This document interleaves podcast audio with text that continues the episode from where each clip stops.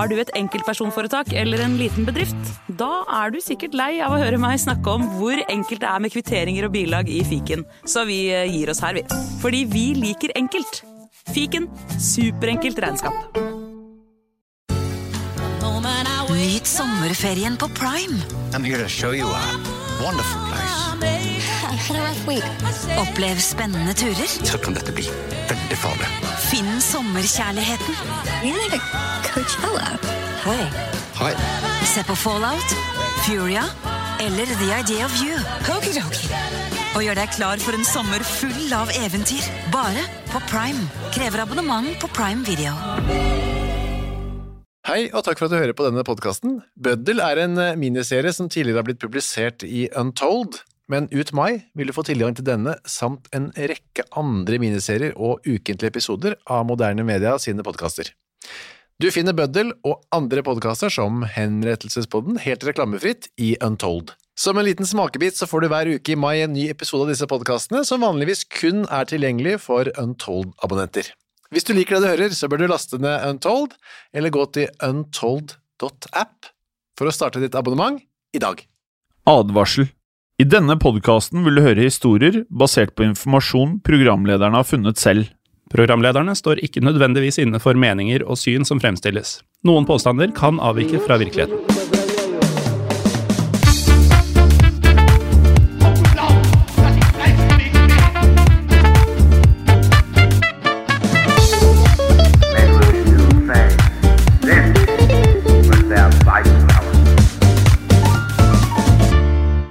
Og velkommen til Historiepodden andre verdenskrig, eller Historiepodden WW2, eller Historiepodden AVK. Mitt navn er Morten Gallaasen.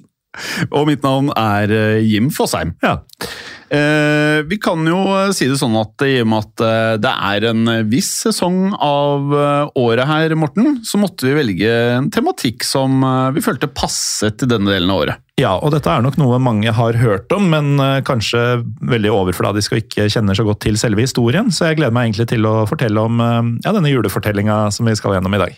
Og så kan vi jo da røpe, hvis du ikke allerede har lest tittelen på episoden, at dette skjedde jo i 1944, det vi skal prate om i dag. Og det er jo ikke så enkelt å finne noe som er relatert til annen verdenskrig som er veldig hyggelig. Eh, når det kommer til Vi ønsket å finne et land som var hyggelig, vi. Ja, Men det, eh, vi får se. ja, ja det, det er vel noe av det hyggeligere man kan fortelle når man først eh, snakker om andre verdenskrig. Ja, det er kanskje det. Det er nok mye hyggelige fortellinger. Vi har bestemt oss for å også ha med litt eh, mer av de hyggelige tingene fra krigen også, ikke bare de grusomme tingene. Men eh, det er jo, vil jeg si, særs kuriøst, dette her. Det er det. veldig, veldig interessant, og noe som eh, Jeg tror ikke alle er klar over dette her. Det tror ikke jeg heller. Eh, hvis du hører på denne episoden når den kommer ut, så er det jo nå 20. desember og straks jul. Eh, det har jeg nemlig sjekka. Og eh, vi skal da mm, fortelle om noe som skjedde julaften i 1944. Eh, mange kjenner jo sikkert til julevåpenhvilen i 1914 fra første verdenskrig, men eh, denne historien er kanskje noe mindre kjent. Og sammenligna med 1914 så var jo julevåpenhvilen i 1944 eh, mindre omfattende, for det var kun én enkelt eh, hendelse. Men den er like fullt meget eh, fascinerende.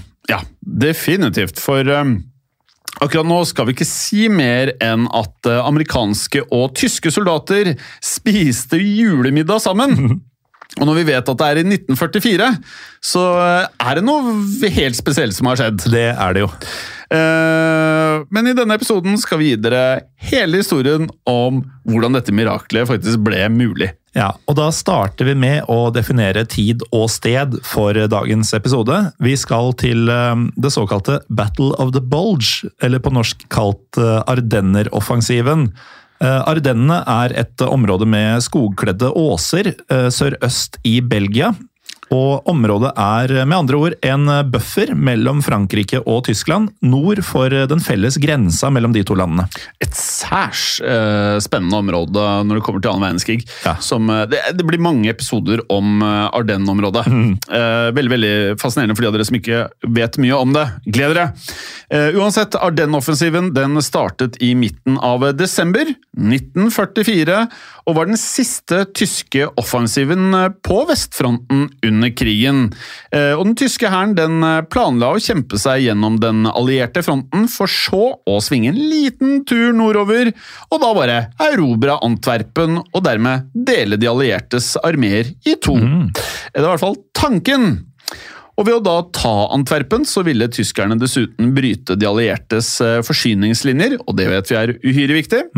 Og Adolf Hitler han hadde håp om at dette ville tvinge de allierte til å inngå en fredsavtale, som da kunne gagne Nazi-Tyskland. Men kampene i Ardennene de ble tunge. Eh, Det var brutalt vintervær som starta 22.12. Altså vi snakker snø, vi snakker snøstorm, eh, tåke og regn. Og dette gjorde jo at manøvrering på begge sider ble uhyre vanskelig. Noen soldater ble faktisk skilt fra enhetene sine i kaoset som oppsto under kampene, og endte opp eh, i skogen. Og mange amerikanske soldater de hadde fortsatt på seg sommeruniformene som de hadde på seg da de gikk i land på strendene i Normandie.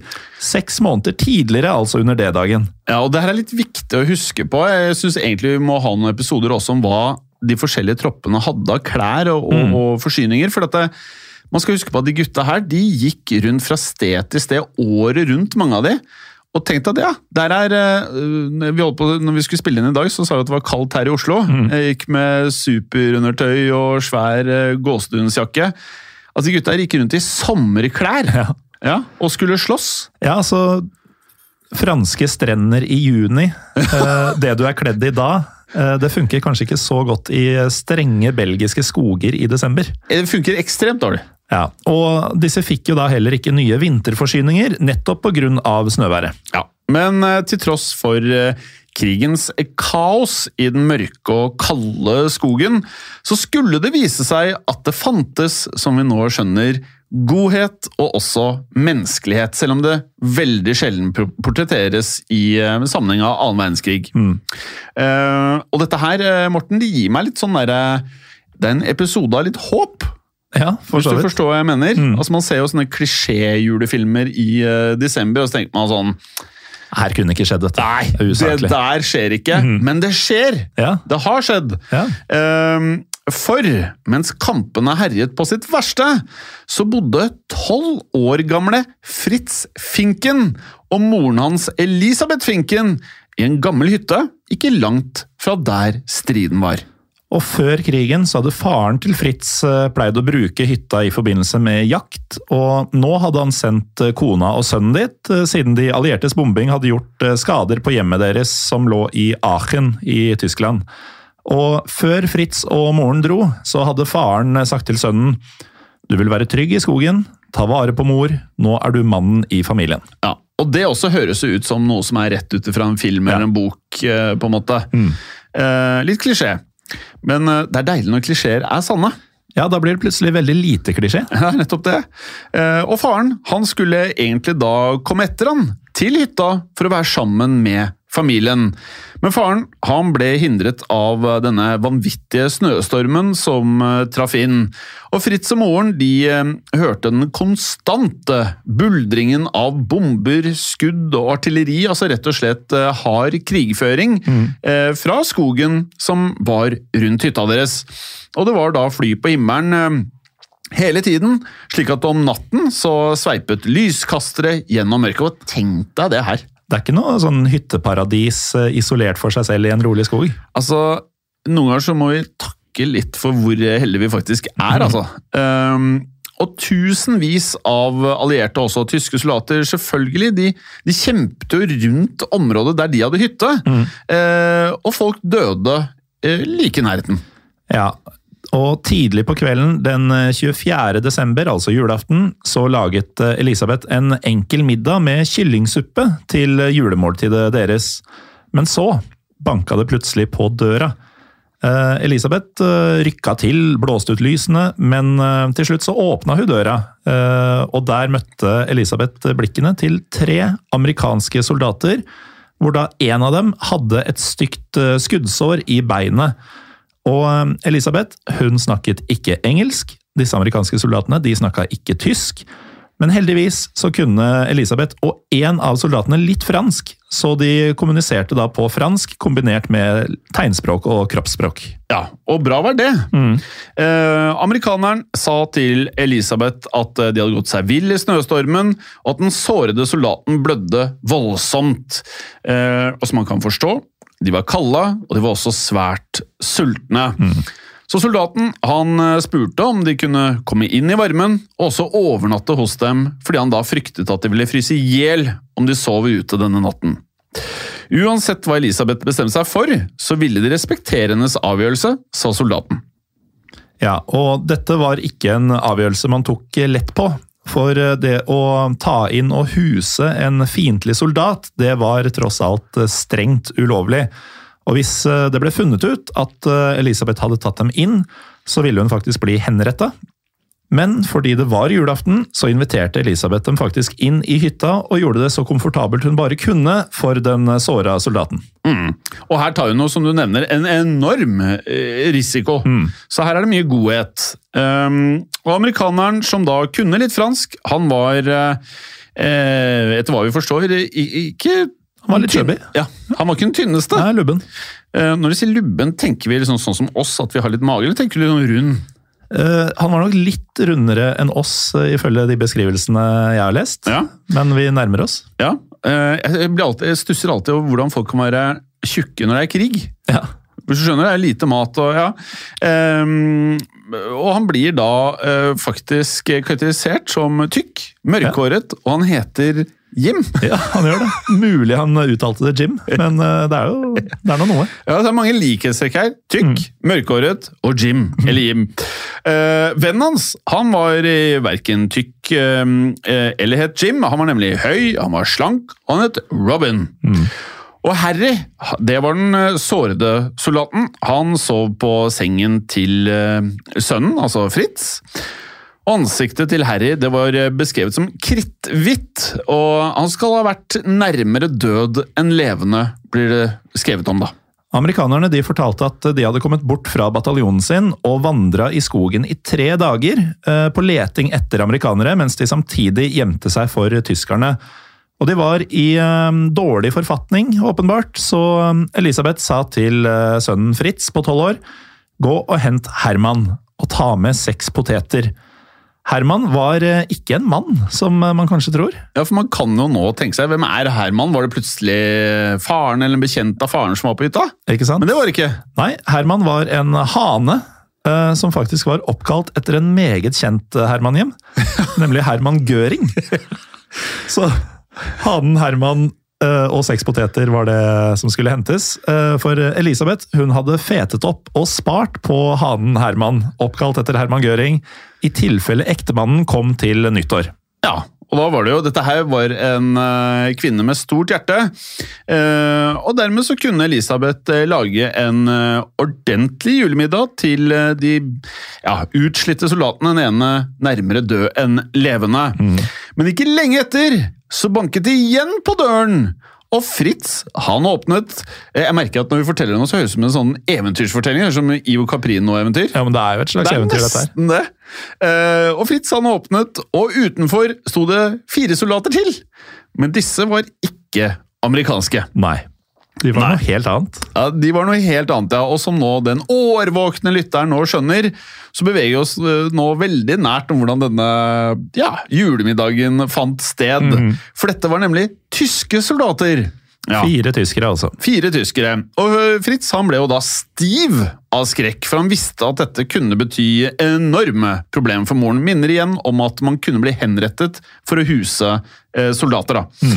Og Da Elisabeth eh, oppdaget hvem som sto utenfor, så ble hun tvunget til å ta en eh, mildt sagt eh, heftig avgjørelse. Hva som skjedde, skal dere føre straks. Bare en liten pause først. Velkommen tilbake. Før pausen så hørte vi alle at tre amerikanske soldater søkte tilflukt hos Elisabeth og Fritz Finkler på julaften 1944, altså midt under annen verdenskrig. Eh, og da de var i ferd med å stelle i stand denne hanen kalt Herman etter Herman Gøring. eh, og de skulle kose seg med en middag på, til jul. Eh, så banket det på døren nok en gang hos familien, og utenfor sto en tysk korporal sammen med tre soldater. Da Elisabeth kom ut og møtte dem, så ble hun da blek i ansiktet av frykt. Og den tyske korporalen han fortalte henne at de var blitt skilt fra enheten sin, de også ikke helt ulikt amerikanerne. Og de sultet, akkurat som amerikanerne, og fryktet at de også ville fryse i hjel i løpet av natten hvis de forble ute i kulda. Sånn som amerikanerne. Ja.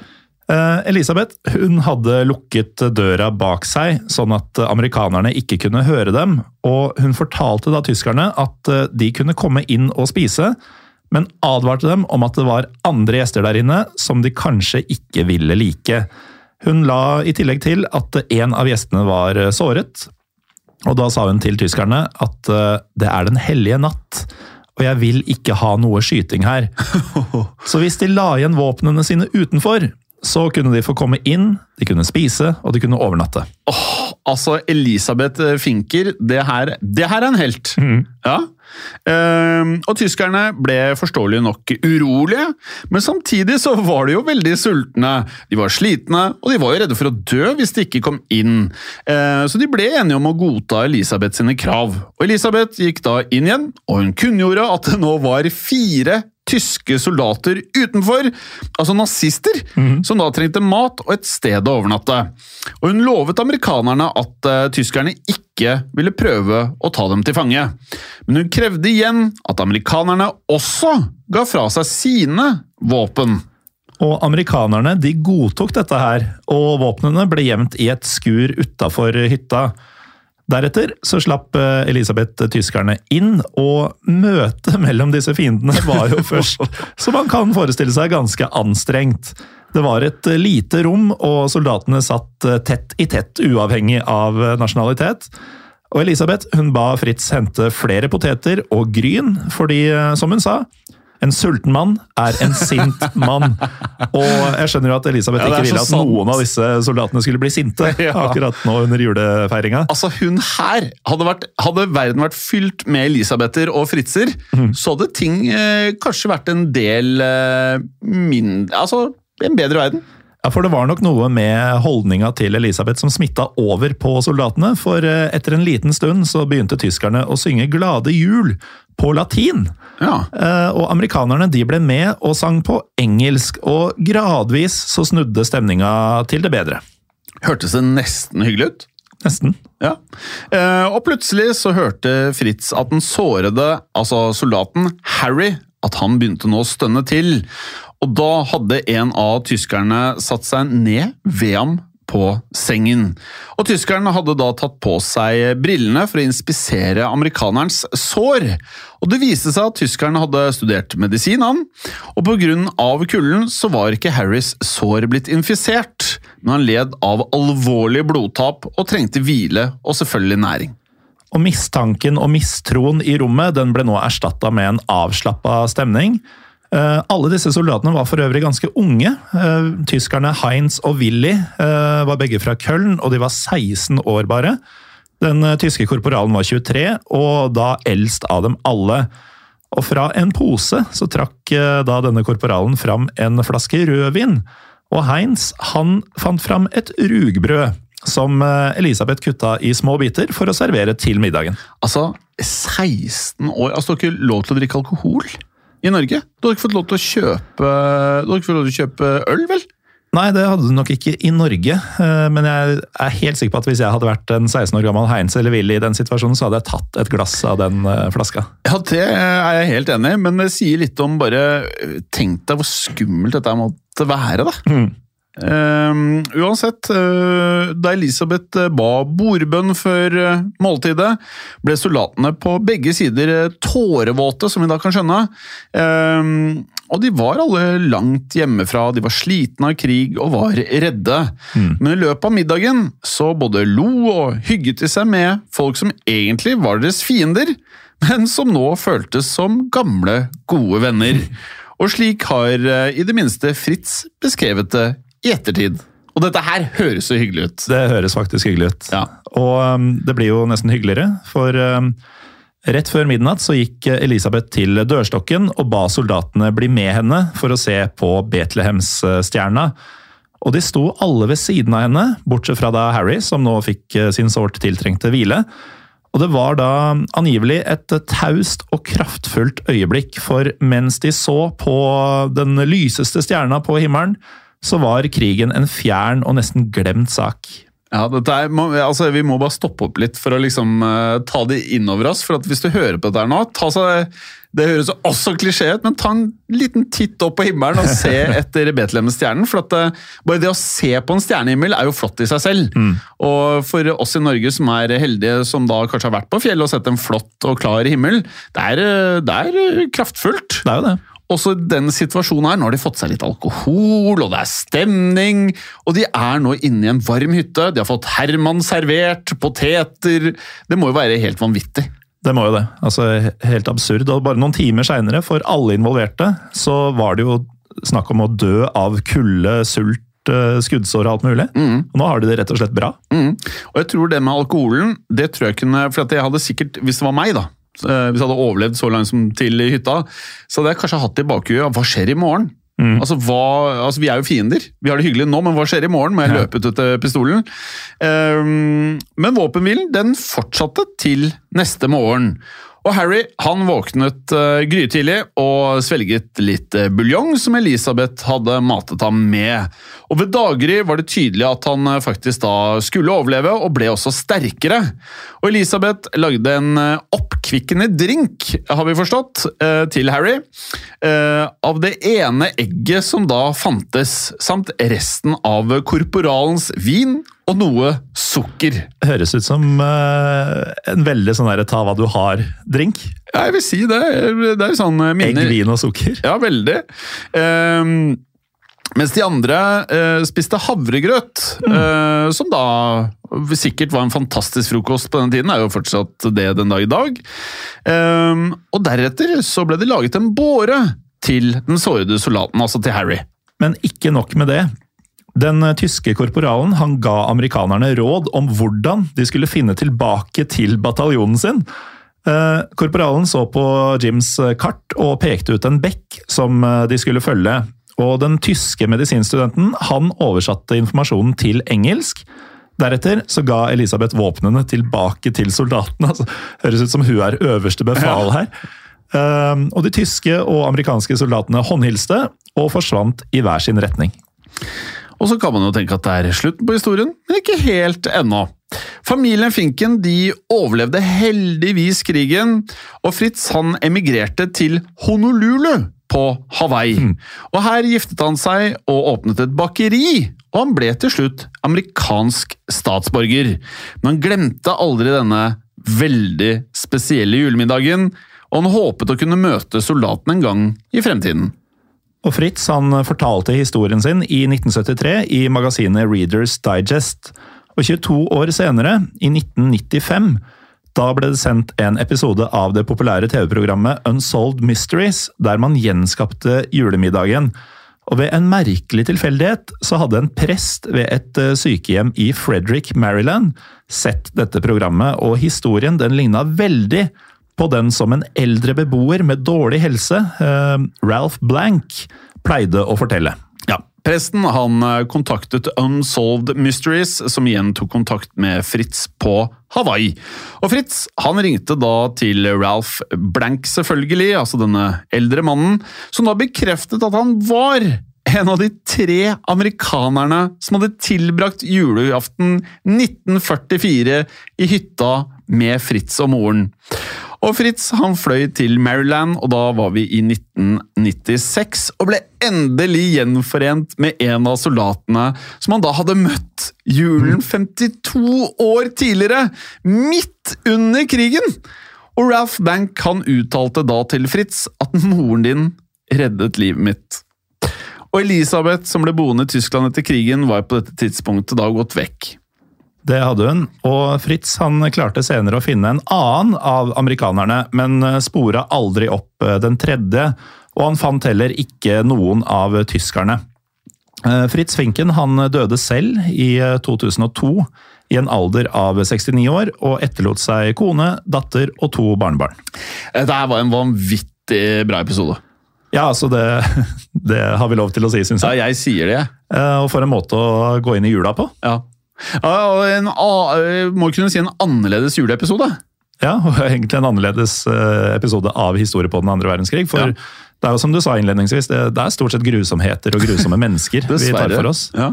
Men, Men ikke i dag. Men eh, eh, for en koselig historie. Altså, jeg, jeg kom litt i julemodus, jeg nå. Ja, eh, noe, noen form for modus jeg ikke er vant til, kommer i hvert fall jeg også i. Ja. Um, og Også hvis, dette her med godhet. Det er et eller annet sånn eh, vanvittig liksom det der, Helter, de kommer til syne når det er tøffe tider. Mm. Uh, og så var det veldig fint å også høre at det ikke skjedde noe med Elisabeth, at hun ikke ble straffet på noen måte. For vi vet at det var mye svake um, slanger der ute også.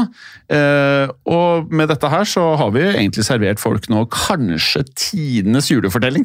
det kan man jo kanskje kalle det. Ja. Eh, og så går det an å tenke seg en sånn alternativ versjon av dette her. da. Hvis f.eks. Tarantino skulle lagd en film basert på det her. Det hadde ikke blitt noe håndhilsing og gå i hver sin retning dagen etterpå, tror jeg. Nei, han hadde De fleste hadde nok vært Det hadde vært fullt av blod, og ingen, kanskje én hadde overlevd med et eh, sår som eh, hadde gjort at han ikke hadde holdt ut dagen. Ja, Men det er bare i vår og Tarantinos fantasi, Elvis, fordi det her det skjedde jo sånn som vi har fortalt det. Jeg bare kom på en eh, film, Morten, som eh, Det er jo ikke det samme, selvfølgelig. Men det minner meg litt om eh, dagens eh, historie. Det er en film som finner sted i Norge. Under annen verdenskrig, der eh, briter, ikke amerikanere, men briter og tyskere må bo sammen på en hytte under relativt harde omstendigheter, som heter Mange av dere har kanskje sett den. Den heter Into the White. Um, og vi har faktisk med et norsk innslag i denne filmen, nemlig Stig Henrik Hoff. Og det er både tyske og engelske skuespillere her. Veldig bra film, syns jeg. Høres Eh, ut som noe man burde finne fram og se på i løpet av juleferien, kanskje. Det var det jeg tenkte. Mm. Så ikke akkurat samme, men ganske likt. Ganske likt. Um, noe som også er ganske likt, er jo Facebook-gruppa og Facebook-sida og Instagram-kontoen vår. Eh, som vi anbefaler alle å bli medlem av, eller like eller følge, alt ettersom. Ja. Eh, vi kan vel kanskje begynne med gruppa. Ja, Historie for alle. Der er vi nå snart på 4500. Veldig mye bra bidrag, Mm. så takk for det. Vi så til og med en her som prøvde å gjøre det vi har etterlyst litt, da, om å lage sånne der, Avstemninger. Ja, så var vel svaret Hei, jeg får ikke til avstemning! som, som en post, da. Eh, og det er jo selvfølgelig veldig kult at du har prøvd, men uh, jeg er ikke 100 sikker på hvordan man gjør det selv. Jeg har fått det til mange ganger, så jeg sitter ikke med det foran meg nå, men det skal være ganske enkelt. Smell opp en vote, og så lager du fire forslag til en episode. Uh, ja. Ja, det er noe du kan bruke gruppa til. Eh, I tillegg så er vi jo da Historiepodden Norge både på Facebook og Instagram. Hvis man bare vil eh, få oppdateringer på hva vi legger ut av bilder og episoder og sånn, og kan sende ting i eh, innboksen vår hvis du er litt for sjenert til å poste i gruppa. Ja. Også en liten oppfordring. Denne episoden her syns jeg var såpass spennende og interessant, og det er liksom det, dette her med godhet, og det er jul og dette her. Del den gjerne med tre personer som kan høre, og som kanskje trenger litt julestemning. Eh, og så kanskje i samme slengen så introduserer de eh, nye lyttere til podkasten. Ja, så dere gir, og vi får. Eller ja, dette blir. Ja, vi har jo gitt. Ja, ja, Så nå må vi få. Så, ja, Nei, men det, det går opp, dette. Jeg synes det er fint, det. Men da er det vel egentlig bare å si god jul til eh, de som hører på? God jul, og takk så masse for eh, at dere følger oss, og for at dere hører på oss, og for at dere er så snille med oss og skriver gode ting til oss. Det er ekstremt motiverende å få hver eneste uke. Hver eneste dag. Det er eh, helt riktig. Um, Det har egentlig ikke noe å legge til, annet enn at det har skjedd. Og det kan skje igjen. Ha det. God jul. God jul. Historiepodden ønsker å takke følgende. Dere som hjelper oss som sitter i produksjonen. Dere som hjelper oss som sitter i redaksjonen, inkludert eh, tekstforfattere. Det er helt riktig. Og dere som sitter på marked, som faktisk da gir oss muligheten til å drive med Historiepodden. Og selvfølgelig alle dere som hører på. Tusen takk. Moderne media. Hei, Morten. Hei, Hjem. Og hei til deg som eh, hører på. I eh, dag så har vi en eh, stor overraskelse til dere alle sammen. Det har vi, for vi har bestemt oss for å gi dere som hører på en liten smakebit på hva man får med abonnement i Untold. Det er helt riktig, men hva er Untold, Morten? Jo, Untold det er en app der du kan høre en rekke podkaster, eh, flere titalls podkaster, helt uten reklame. Det er riktig, og ut mai måned så kan du derfor da høre episoder som du vanligvis kun hadde funnet i appen Untold. Ja, for eh, som Untold-kunde så får du nemlig en ny, reklamefri episode av Historiepodden andre verdenskrig hver eneste uke hele året. Ja, og i Untold så får du også ukentlige episoder av Henrettelsespodden og Historiepodden blant flere, samt også da miniserier som Gulltransporten og Historien om Henry Rinnan. Og apropos Historiepodden, Jim, så er det snart eh, 17. mai. Og i Historiepodden så vil man kunne høre episoden om torgslaget i Kristiania i forbindelse med nettopp eh, den datoen. Og det er en episode som alle bør få med seg. Jeg tenker det, og skulle du som hører på nå sitte igjen og tenke at du veldig gjerne vil høre en episode av Historie på den andre verdenskrig hver eneste uke, så er da, som du helt sikkert skjønner, Untold en mulig løsning for deg. Det er helt riktig. Da går du inn på AppStore eller Google Playstore og laster ned Untold.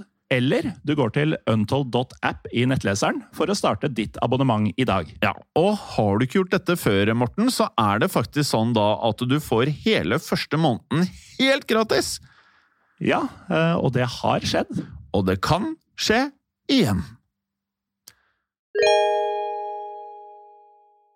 Hei, Fredrik og Bjørn Henning her. Vår nye podkast Fordomspodden den er ute nå. Podkasten der norske kjendiser møter seg selv i døra. Har Kristin Gjelsvik alltid drømt om å lære seg å jodle? Ler Stig-Henrik Hoff av eventyret Askeladden som kappåt med trollet? Bytter Katrin Sagen dobørste minst to ganger i året? Og har Didrik Solli Tangen sunget My Heart Is Yours som nattasang for barna sine? Hver uke blir nemlig én ny gjest konfrontert med både store og små fordommer i vårt forsøk på å komme til bunns i hvem de egentlig er. Du kan høre Fordomspodden hvor enn du lytter til podkast. Klokka er sju om morgenen. Tirsdag den 9. april 1940. Det er en telefon som ringer. Det er hjemme hos banksjef Andreas Lund på Lillehammer. Andreas Lund tar telefonen, og den som ringer er sjefen hans. Det er sentralbanksjef i Norge, Nikolai Rygg. Rygg forteller Andreas Lund at Norge er i ferd med å bli invadert av tyskerne.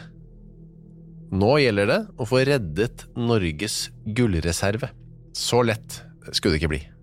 Gulltransporten.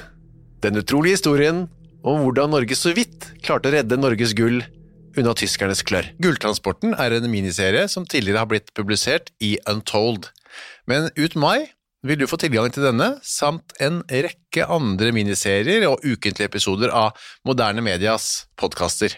Hvis du liker det du hører, bør du laste ned Untold, eller gå til untold.app for å starte ditt abonnement i dag.